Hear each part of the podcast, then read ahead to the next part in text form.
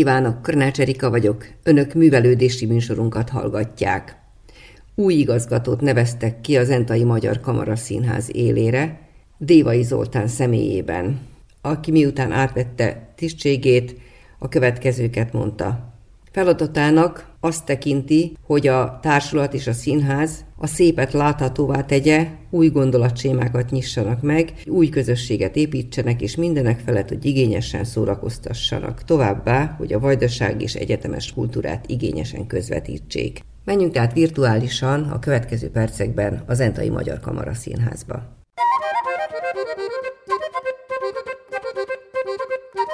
Három vajdasági magyar színházban, Szabadkán a Kosztolányi Dezső Színházban, az Újvidéki Színházban és az Entai Magyar Kamara Színházban új igazgató van, ugyanis mindhárom igazgatónak lejárt a mandátuma. Ebben a pillanatban az Entai Magyar Kamara Színházban vagyunk, ahol az új igazgatóval és művészeti vezetővel beszélgetünk, az igazgató tisztségét Dévai Zoltán tölti be, a művészeti vezető pedig dr. Mezei Kinga.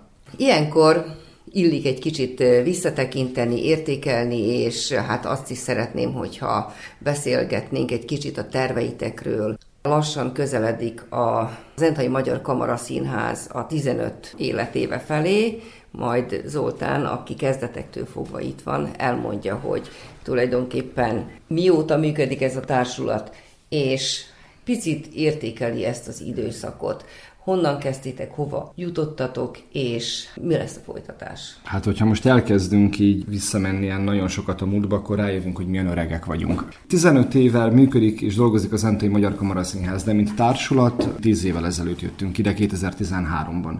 2008-2009, ekkor alakult az Entai Magyar Kamara Színház, de akkor befogadó színházként működött. Konkrétan a három vajdasági magyar színházból leginkább onnan jöttek vendégművészek, azok a színészek, akik pont nem voltak benne egy-egy darabban. Majd 2013 júniusában jó magam és még nyolc ember befejeztük az egyetemet Újvidéken, László Sándor és Balázs Áron osztályában, és 2013. október 1-én ide kerültünk, mint az első állandó társulat. Kilencen, egy osztály, Ebből a kilenc színészből jelen pillanatban most hárman vagyunk a színháznál, konkrétan Nésics Máté, Virág György és jó magam. Majd öt évvel ezelőtt az alattunk lévő László Sándor Balázs Áron osztályból jöttek hozzánk még ketten, Verebes Judit és Szilágyi Áron, majd pár évvel ezelőtt Székelybe, aki idéntől megint nincsen velünk, ő, ő már más utakat jár jelen pillanatban, úgyhogy így számál most a társulat Hát igazából négy embert, én lennék az ötödik. Vagy hát vagyunk hatan színészek igazából az épületben, mert itt van Mezei Kinga is, aki hát végül is színész és rendező, de ő is inkább itt van velem fönt az irodában. Úgyhogy most nagyjából így vannak elosztva az erők. Nyilván ez a tíz év alatt volt váltás, meg változás, meg lentülés, aztán pici stagnálás. Nyilván ez a jó-jó effektus, ez mindenhol így működik, főleg, hogy tíz évről beszélünk, úgyhogy ez úgy valahogy talán dolgok rendje szerint is, is megy.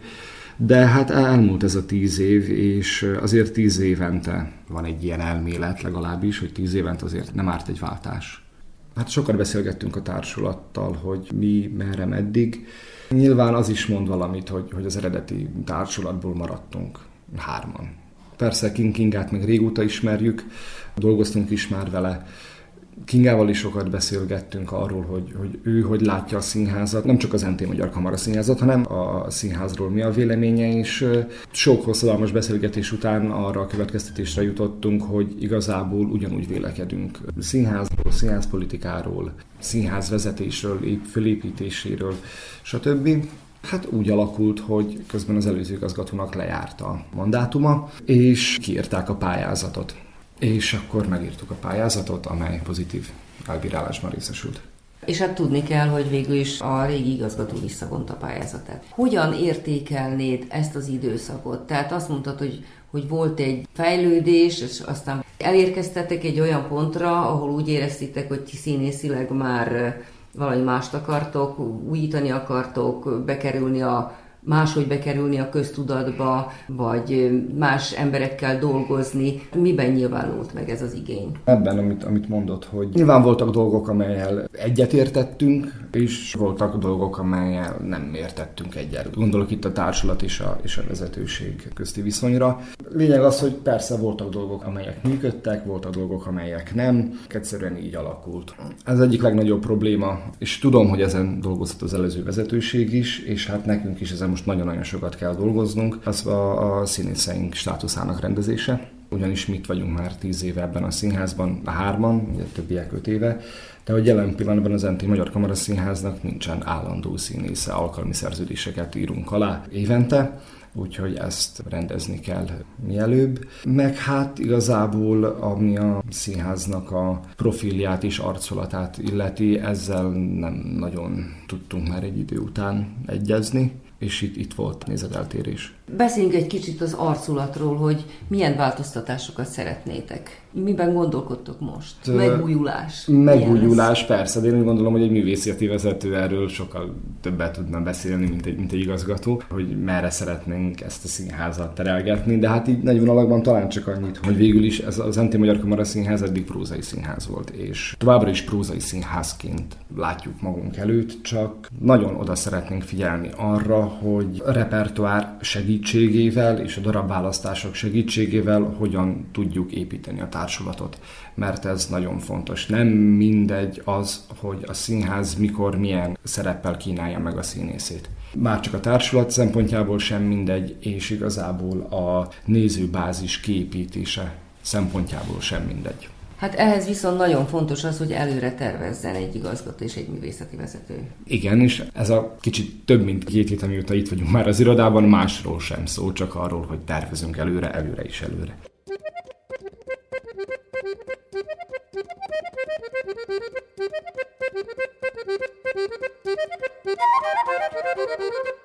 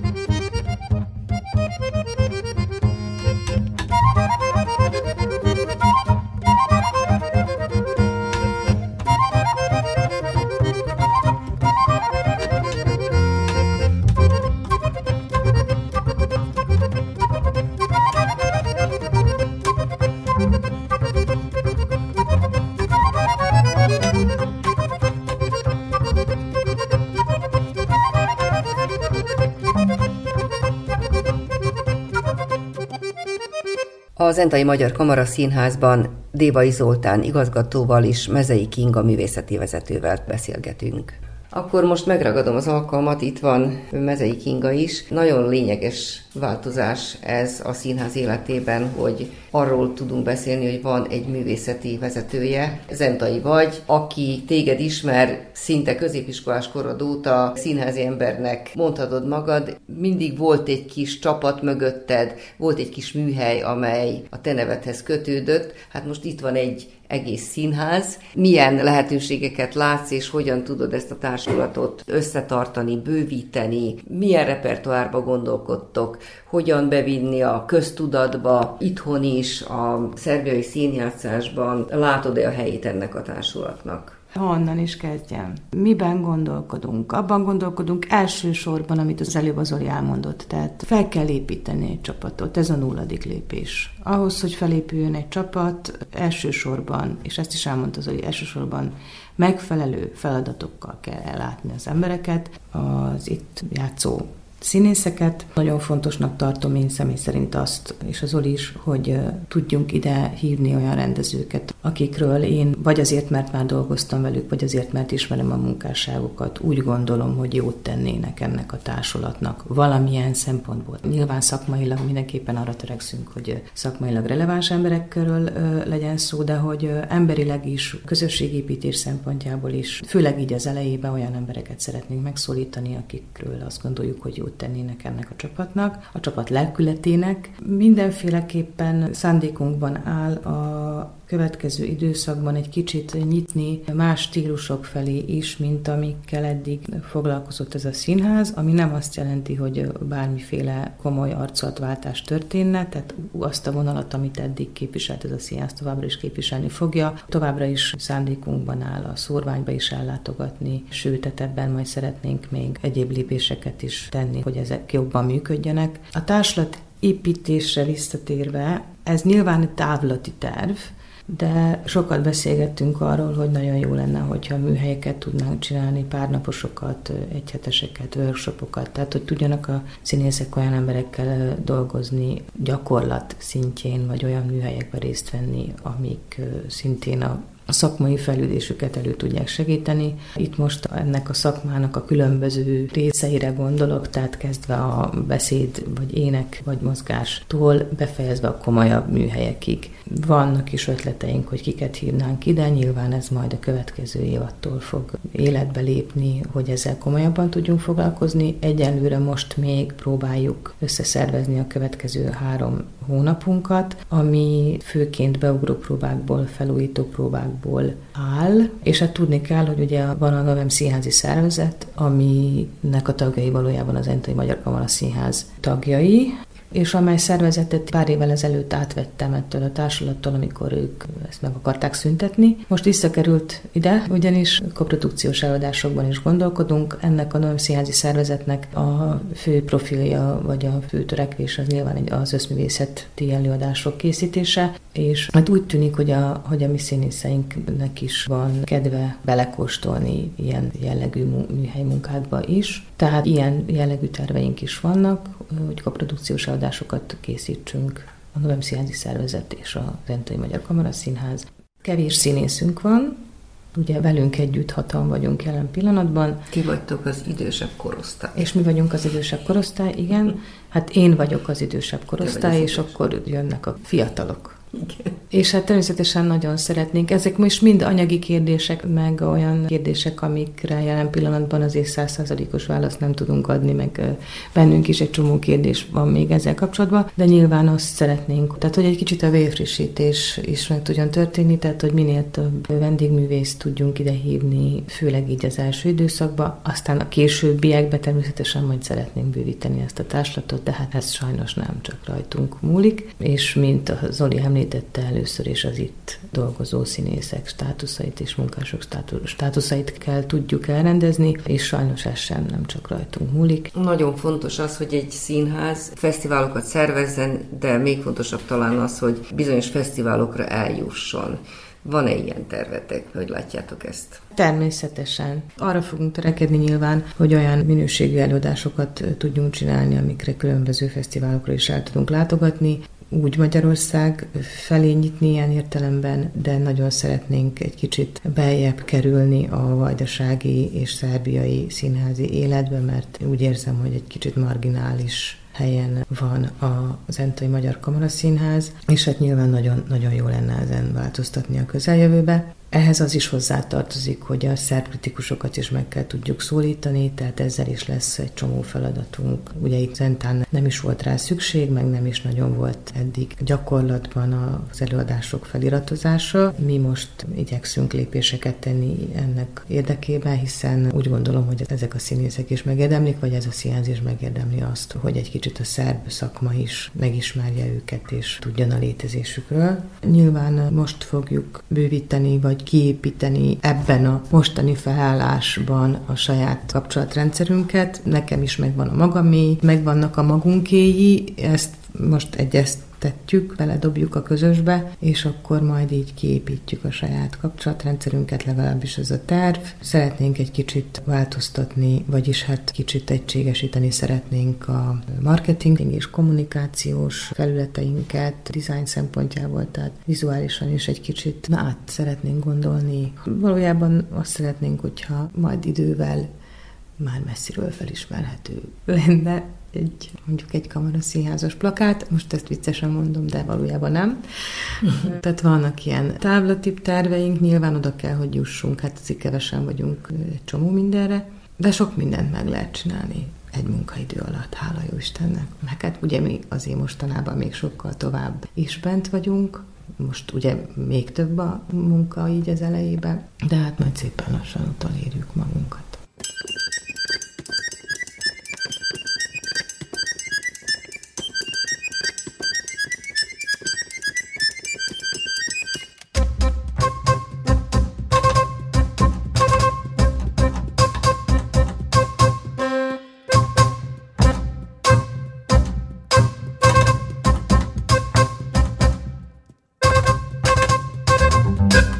Dévai Zoltán igazgatóval és Mezei Kinga művészeti vezetővel beszélgetünk. Akkor most Zoltán kérdezem még arról, hogy mennyire tartott fontosnak azt és lehetségesnek azt, hogy a vajdasági magyar színházak együttműködjenek. Meg hát, hogy egyáltalán egymás előadásait megtekintsék, mennyire fontos az, meg vérfrissítés céljából esetleg színészeket cseréljenek. Elképzelhető? Persze, persze, hogy elképzelhető, és ez nagyon fontos, ugyanis egy színész az nem csak egy próba folyamat alatt tanul, hanem nagyon-nagyon sokat lehet tanulni abból is, hogy másokat nézünk.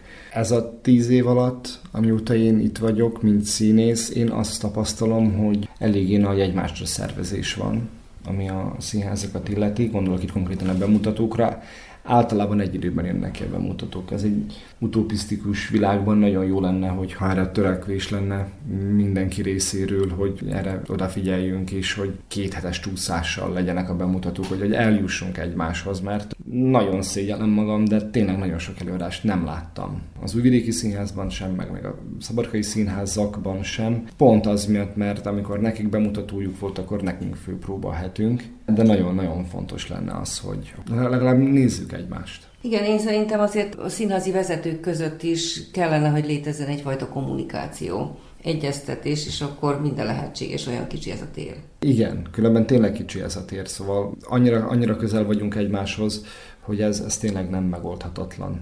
Csak egy kis odafigyelés kell majd erre. Gondolkodjunk egy kicsit a következő évadról. Mennyi bemutatót terveztek, és mennyit bír el ez a társulat? Nem tudom. Nagyon sokat elbír. Tényleg nem tudok erre válaszolni, mert ez annak függvénye, hogy mennyi pénzt fogunk kapni. Tervek szerint négy bemutatót tervezünk, de ez nyilván mind attól függ, hogy az anyagi háttér ezt hogy engedi meg, milyen anyagi kerettel rendelkezünk, de munkakedv viszont van bőven. Jelen pillanatban éppen a tárgyalások kellős közepén vagyunk. Valójában a következő évad rendezői gárdája felállt, időpontokat kell még egyeztetnünk, illetve pontosítanunk a darabokat. Nem mindenki ismeri a, a társulat kapacitásait, úgyhogy először ezt egy kicsit át kell velük még beszélni. Ez a stádium most zajlik, és amikor az egyeztetések végére érünk, akkor mindenképpen szeretnénk, hogyha még egyszer megszólítanál bennünket, mert akkor már remélhetőleg konkrét konkrétabb dolgokkal tudunk előrukkolni.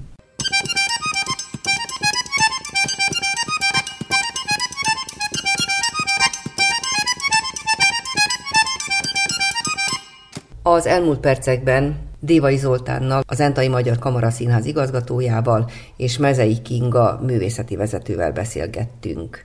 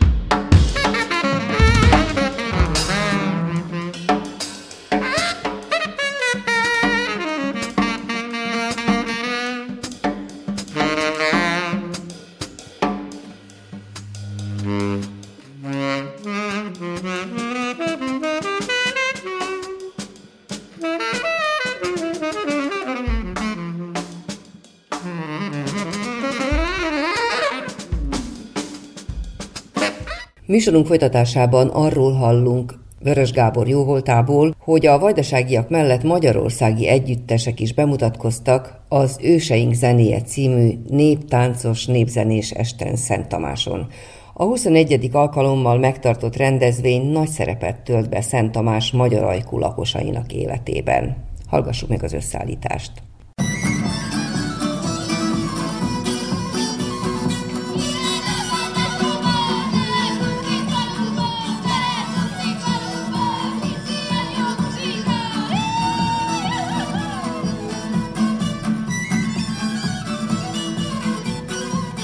Az őseink zenéje idei műsora előtt egy órával moldvai énekeket tanított az érdeklődőkkel a Szegedi Terebes zenekar. Vékony Evelin az együttes tagja. Én Szent Tamási vagyok, Szent Tamáson születtem és nőttem fel, a gyerekkoromat itt töltöttem azért, és, és hát így hívtak vissza minket ide erre az eseményre, és ennek nagyon is örülünk. Hát szerintem ez egy nem mindennapi esemény így a, a magyar közösség életében itt Szent Tamáson, és nagyon is fontos, és nagyon örülök, hogy hogy a szervezők mindig is megszervezik ezt minden évben, vagy legalábbis ugye most a Covid alatt így nem sikerült, de mindig törekednek, és ez így nagyon jó szerintem. Nyilván nem mindenkit érdekel az ilyen a népzene, de hogy azért van egy közösségformáló ereje is, és, és ezt remélem, hogy meg is marad, és számomra is ez mindig is fontos volt, tehát így kiskoromban is itt szaladgáltam, és, és, és nagyon örülök, hogy így hogy ilyen idősen is így visszajöttem, és ilyen formában, tehát színpadon most. Műhely munka keretében mivel mivel foglalkoztok a gyerekekkel?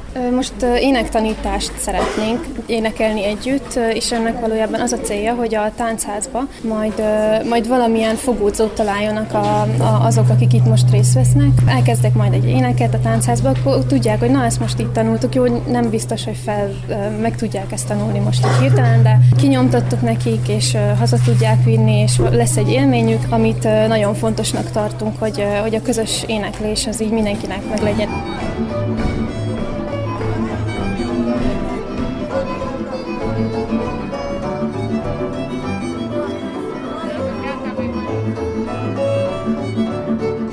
A színpadon Szent Tamás testvér településéről, Orosházáról érkezett a harangos néptánc együttes.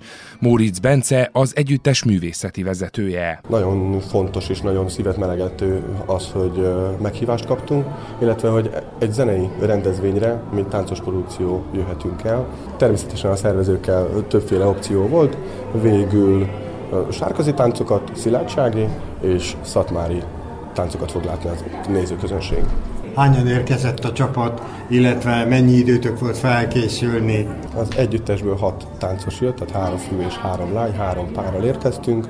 Nyilván olyan koreográfiákkal, olyan produkciókkal, olyan táncokkal érkeztünk ide, illetve készültünk, amik már lábon voltak, tehát ismételni kellett, három párra átalakítani, hogy érvényes legyen a színpadon, és reméljük, hogy tetszeni fog mindenkinek. Mi mindent sikerült eddig megtudni az őseink zenéről? Alapvetően önmagamból, ha indulok ki, akkor szerencsésnek mondhatom magam, hiszen jártam itt többször Vajdaságban, nem csak Szent Tamáson, és az itt jelenlévő zenészek közül több zenészt is ismerek, még ha nem is ápolunk aktív kapcsolatot, akkor is itt ott, ott ha nem is csak Vajdaságban, hanem Magyarországon is megfordulunk egymás légterében viszont úgy gondolom, hogy kifelé még nem biztos, hogy van akkor a rekláma, főleg Orosházán, de tenni fogunk arról, hogy mindenki tudja róla, hogy egyrészt van ilyen rendezvény, hogy milyen értékeket képviselnek itt, nem csak Szent Tamáson, hanem Vajdaság egész területén, hogy milyen fantasztikus zenészek vannak, mind fiatalok, mind pedig idősek, sőt fordítva mondanám elsősorban, hogy mind idősek, mind pedig fiatalok, hiszen nagyon fontos, hogy az idősek példát mutatnak, és a fiataloknak pedig hatalmas motiváció az, hogy őket megnézhetik, tanulhatnak tőlük, és ezt szeretném én is továbbadni oda-haza táncban.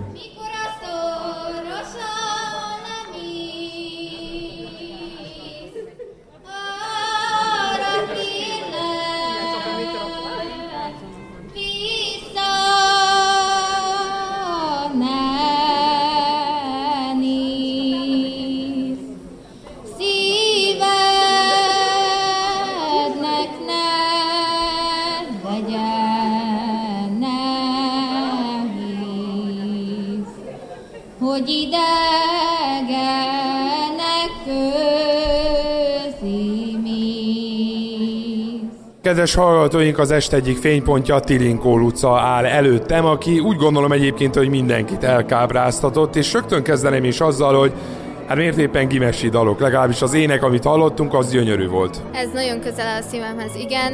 Nyáron sikeresen kiúthattam Gimesbe, és most nyáron is majd ki fogok menni, és nagyon szeretem az ottani embereket, a környezetet, és ahogy hallhattam, hogy ezt éneklik az öreg nénik, ez így nagyon a szívemben maradt, és akkor így a Gyimesi úgymond az otthonom lett.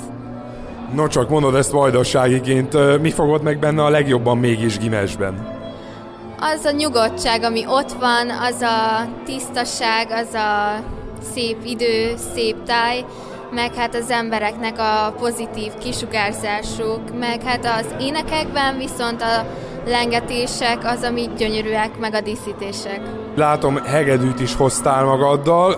Mire készülsz még itt a csonkaferjékkel? Hegedülök már kiskorom óta, és most fogunk egy magyar palatkai összeállítást is játszani, amiben én hegedülök is, meg énekelek is majd. És mégis, ha választani kéne, melyik áll közeledhez, vagy azért e között ne tegyünk különbséget? Nem tudok különbséget tenni, mind a kettőt nagyon szeretem. Mondtad, hogy kiskorod óta tart ez a szerelem, a szabad így mondanom, a népzene és a hegedülés iránt. Akkor megkérdezném azt is, hogy hogyan kezdődött el ez nálad, vagy mi volt az a momentum, ami így elstartolt? Mindig ajándékba hangszert kértem, főképp hegedűt, és uh, utána később beiratkoztam néptáncra, azt is ilyen három-négy éves koromban, Uh, és utána én rájöttem, hogy én inkább zenész lennék, mint táncos, és akkor folytattam a táncot is, de inkább többet foglalkoztam a zenével, és így nem jutott időm a táncra, úgyhogy a zene az, ami tovább az életemben marad. Azért, de hogyha úgy gondolom, hogyha éppen nem te húzod valakinek el a nótáját, akkor táncra bertülsz te is. Hát nyilván. Hogyan képzeled el a jövődet? Inkább népi éneklés, vagy esetleg hegedülés, vagy van-e valami más perspektívád? A középzeneiskolában klasszikus hegedű szakon vagyok, úgyhogy ez elég vicces. Mindent is csinálok egyszerre, de a Liszt Ferenc Zeneművészeti Akadémiára szeretnék tovább menni, népi ének és népi hegedű szakon. Az őseink zenéről mi a véleményed, mi fogott meg esetleg benne, vagy úgy unblock, hogy látod, hogy melyben segíthet ez, hogy a magyarság itt a vajdaságban is megőrizze a népzene és néptánc hagyományokat? Én most vagyok itt először, mint fellépő, már többször voltam közönségként, és nagyon szerettem ezt a nagy hangulatot, hogy folyamatosan szól a zene, folyamatosan megy a tánc, és most nagyon örülök, hogy felléphetek, mert néha azért jobban szeretek színpadon lenni, mint közönségbe. Akkor én még folytatnám egy rövid kérdéssel, hogy egyébként hogy látod itt a vajdaságban a mindennek a kultúrának az átörökítését, mert azért nyilván, mint szakember szerintem te már tudsz erről néhány gondolatot mondani. Hát fontos, hogy fennmaradjon ez a népzene, meg a néptánc, és ahogy így látom, Vajdaságban ez elég jól fenn van tartva, és nagyon sok táncegyesület, nagyon sok zenekar van, Hát zenekarból mondjuk vonósból elég kevés van, de akik vannak, azok nagyon ügyesek, tehát le a kalapa mindenki előtt. Feltételezem Durindó Gyöngyös Bokréta az alap nálad. Igen. Idén esetleg már elárulod-e, hogy mivel készülsz? Hát Durindóra nem tudom, hogy menni fogok el, de Gyöngyös Bokrétára menni fogok a zenekarommal, mint ö, táncosokat kísérünk majd. Oké, okay, és esetleg azt elmondod, hogy milyen tájegység zenével készülsz? Szatmári. Szatmári. Na most Gyümesből átmentünk Szatmárba, most már kezdek kicsit megkavarodni, tehát így tényleg így az erdélyi, meg így a keleti Kárpátok azok, amik úgy abszolút Igen. Hát most felmerül jogosan is a kérdés, hogy vajdaságiként miért nem inkább a vajdasági? Azt is szeretem, nagyon is szeretem, csak mondjuk szerintem Hegedűn annyira nem szól olyan jót a vajdasági muzsika, inkább az a tamburáké, de ha kell, azt is játszok Hegedűn mindazonáltal, mivel Tilinkó Luca azért még úgy mondom, hogy elég sokat fogja még szerintem a magyar népzene és a gimessieknek a hírnevét öregbíteni, ezért sok sikert kívánunk neked a jövőben, de azért, mint említettem, egy Vivaldi szívesen meghallgatok majd tőled annak idején. Köszönöm szépen. Idegen vagy, jövevény vagy,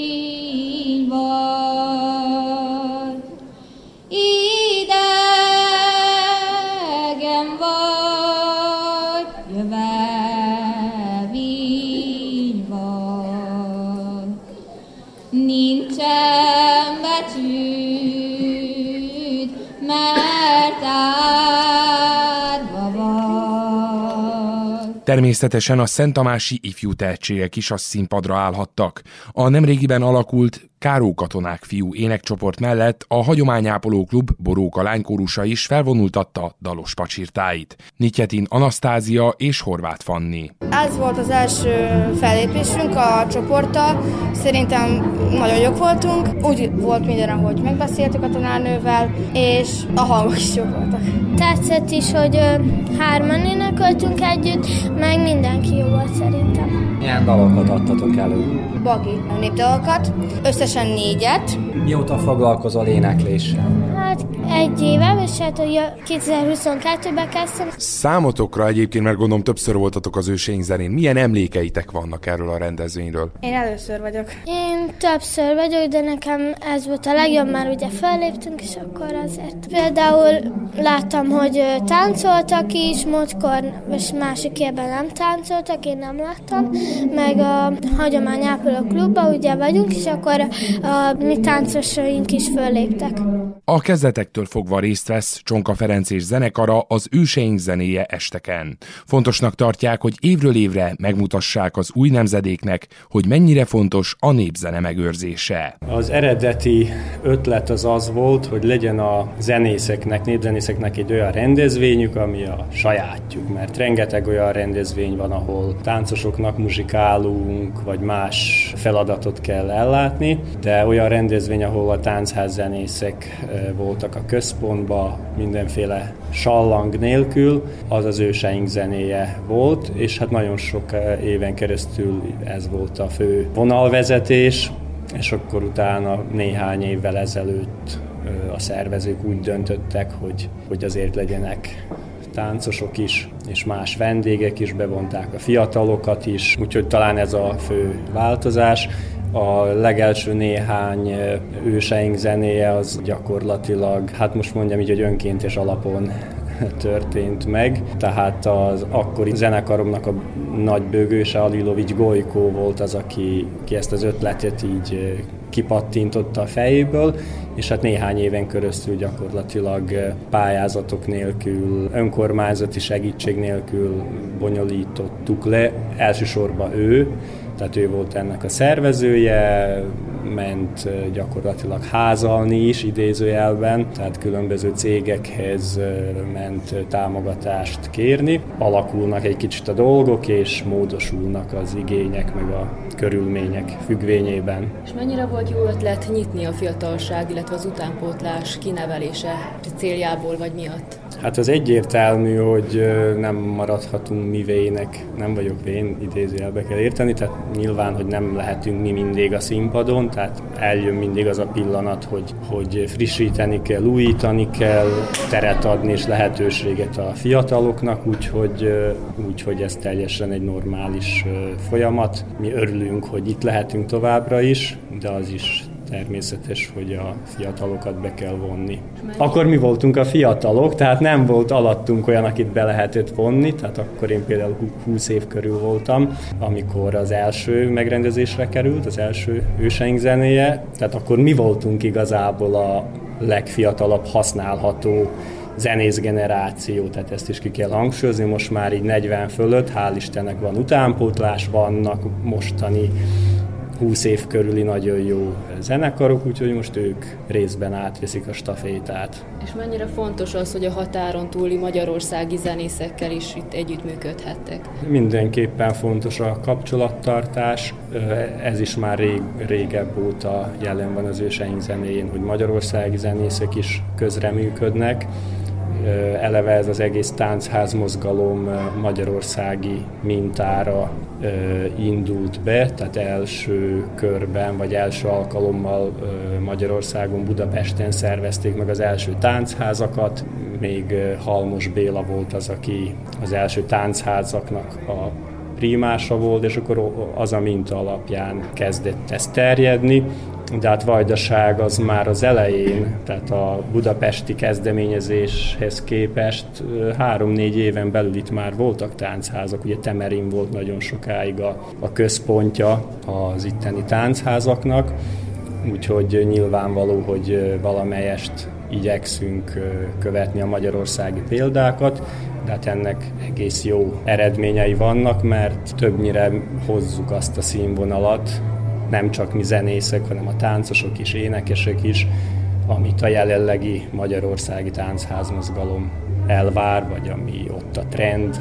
Az első néhány évben itt az iskolában szervezték az őseink zenéjét, majd pedig kilenc évig a Szent Tamási sportcsarnokban, eh, ami egyszerűen sem a zenészeknek, sem a közönségnek nem volt ínyére, és akkor három évvel ezelőtt visszaköltözött az iskolába az őseink zenéje. Mint zenész, hogyan lát ezt az egészet, tekintettel arra, hogy az elejétől itt vagy?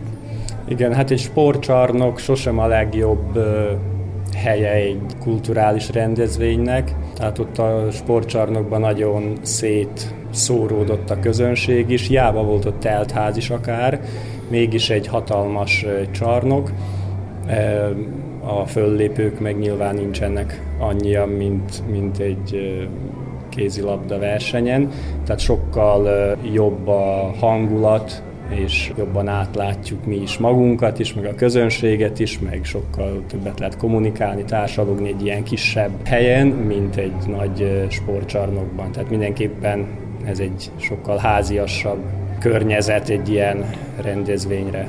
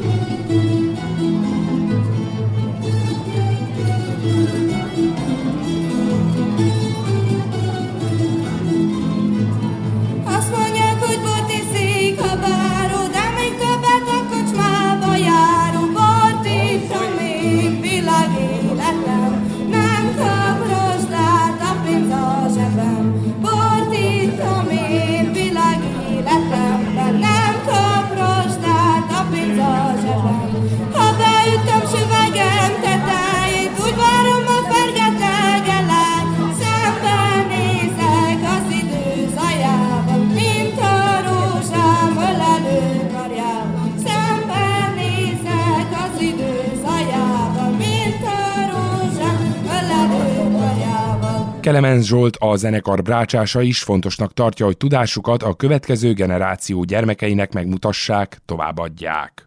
Hanyadik alkalommal vesztek részt, és milyen dalokkal, névzenével készültetek a mai estére? Így ilyen formációban Csonka Ferenc is zenekara, megmondom őszintén nem tudom, mert ugye mi vajdasági népzenészek azért jó így kevergetjük a lapokat, egymással muzsikálgatunk.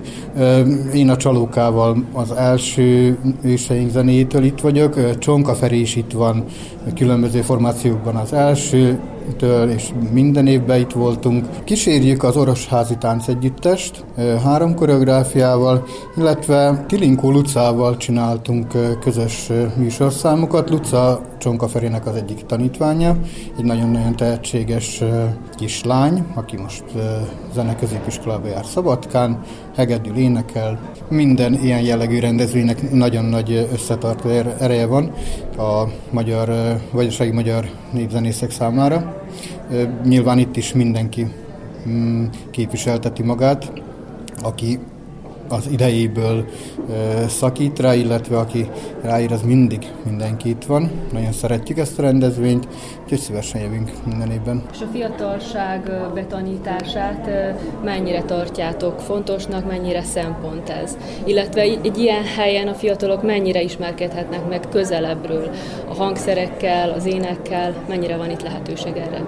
Itt is nyitottak vagyunk természetesen minden ilyen dologra, hogyha valaki kíváncsi megnézni egy brácsát, vagy egy nagybőgőt, azt természetesen nagyon szívesen megmutatjuk neki, hogy működik. Egyébként a, az én korosztályom, úgymond én már ugye veteránok közé tartozom, mindannyian tanítunk népzenét, mm, tanítjuk, oktatjuk a fiatalokat. Mm, én úgy látom, hogy most nagyon sokan érdeklődnek iránt, hál' Istennek sok tanítványunk van, akár citera, akár vonós zenekarokat nézünk. Optimista vagyok. Rezovszki Gergő vagyok, a Duhaj zenekarnak a primása, hegedűjátszó. Kezdjük talán azzal, hogy mióta vagy benne a Duhajba, és mióta vagy a hegedű szerelmese. A Duhajban 6 éve vagyok, alapítottak vagyok, 6 éve alakult a zenekar. Egyébként a hegedűt meg 15 éve legalább, vagy 10, nem tudom, igazából nem számolom már egy ideje, de jó sok ideje hegedülök már. Itt az őseink zenéjén akkor gondolom már nem először, vagy milyen élményekkel és milyen várakozásokkal tértél vissza?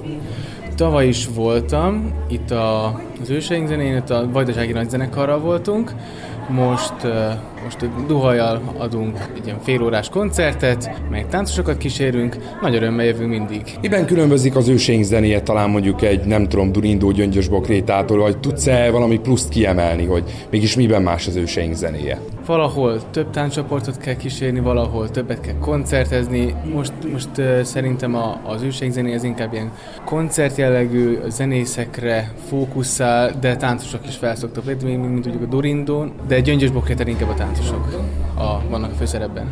Kicsit fókuszáljunk rá, hogy ennek a hagyományőrző hatására szerinted itt Vajdaságban a népzenés, néptáncos hagyományokat mennyire tudják megőrizni, és miben segíthetnek az ilyen rendezvények, hogy úgymond ez ne halljon ki sose?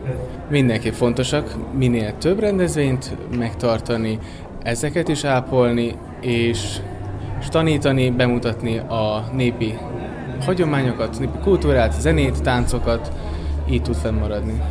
És még a legfontosabb kérdés, nem is kérdeztem, hogy mit hallott tőletek ma este a közönség. Több összeállítást is fogunk játszani, Bodrog közből, Kalataszegről, a szatmár, szatmári táncokat és dalamokat fognak hallani, és még vagy a Szent Iványi dalokat.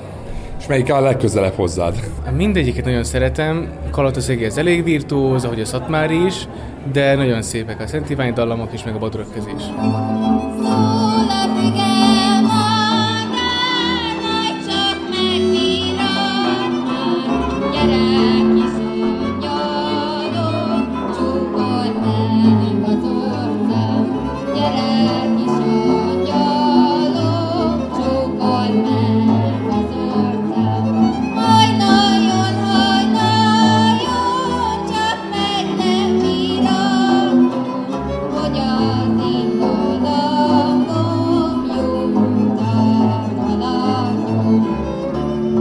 Az őseink zenéje évről évre nagy szerepet tölt be Szent Tamás magyar ajkú lakosságának életében, mondta kérdésünkre Szabados Fodor Beáta, az egyik főszervező. Idén ugyanúgy, mint tavaly törekedtünk, hogy az egész Kárpát-medencének a tájegységét sikerüljön bemutatnunk. Sokféle zenekar megjelent ma este mi nálunk, tehát van nálunk kezdve moldvai zenét játszó terebes zenekar, van nekünk idén tambora zenekarunk, ez mellett vonó zenekaraink vannak, tehát a Kárpát-medence teljes zenei anyagát szerintem sikerül bemutatni ma este. Honnan érkeztek a fellépők és hányan vannak, illetve milyen programokkal készültek még a zenélésen kívül?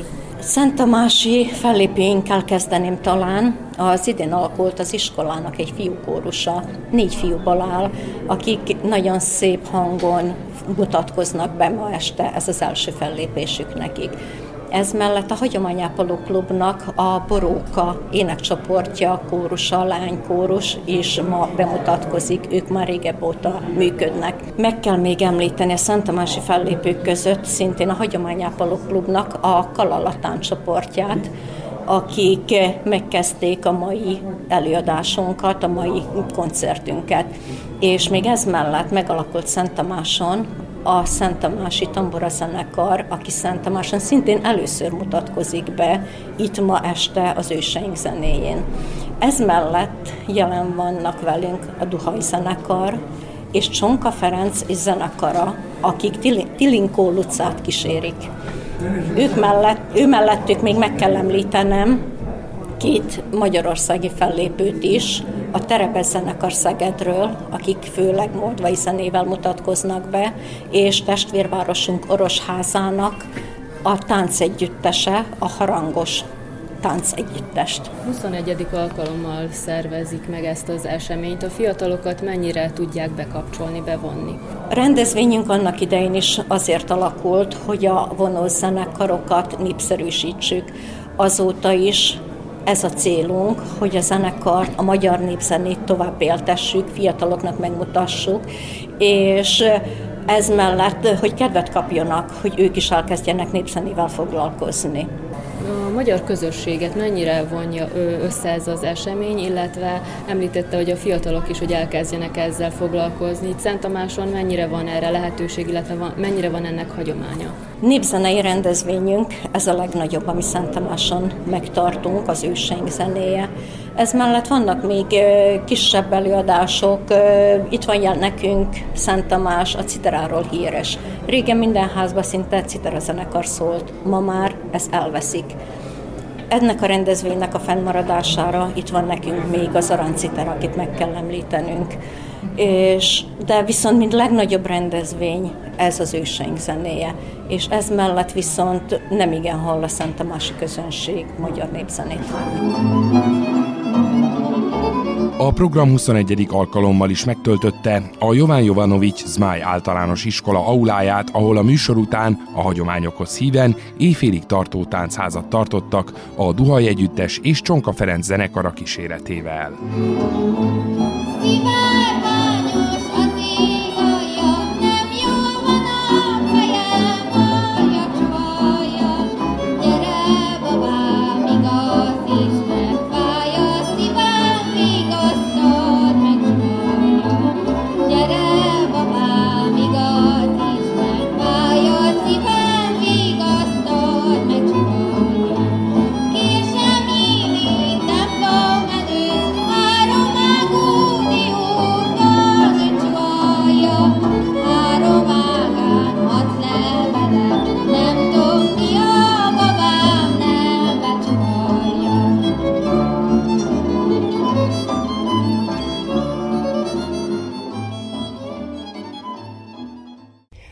Az Őseink zenéje című Szent Tamási rendezvényről Vörös Gábor tudósított. Köszöni a figyelmet a szerkesztő Krnács Erika.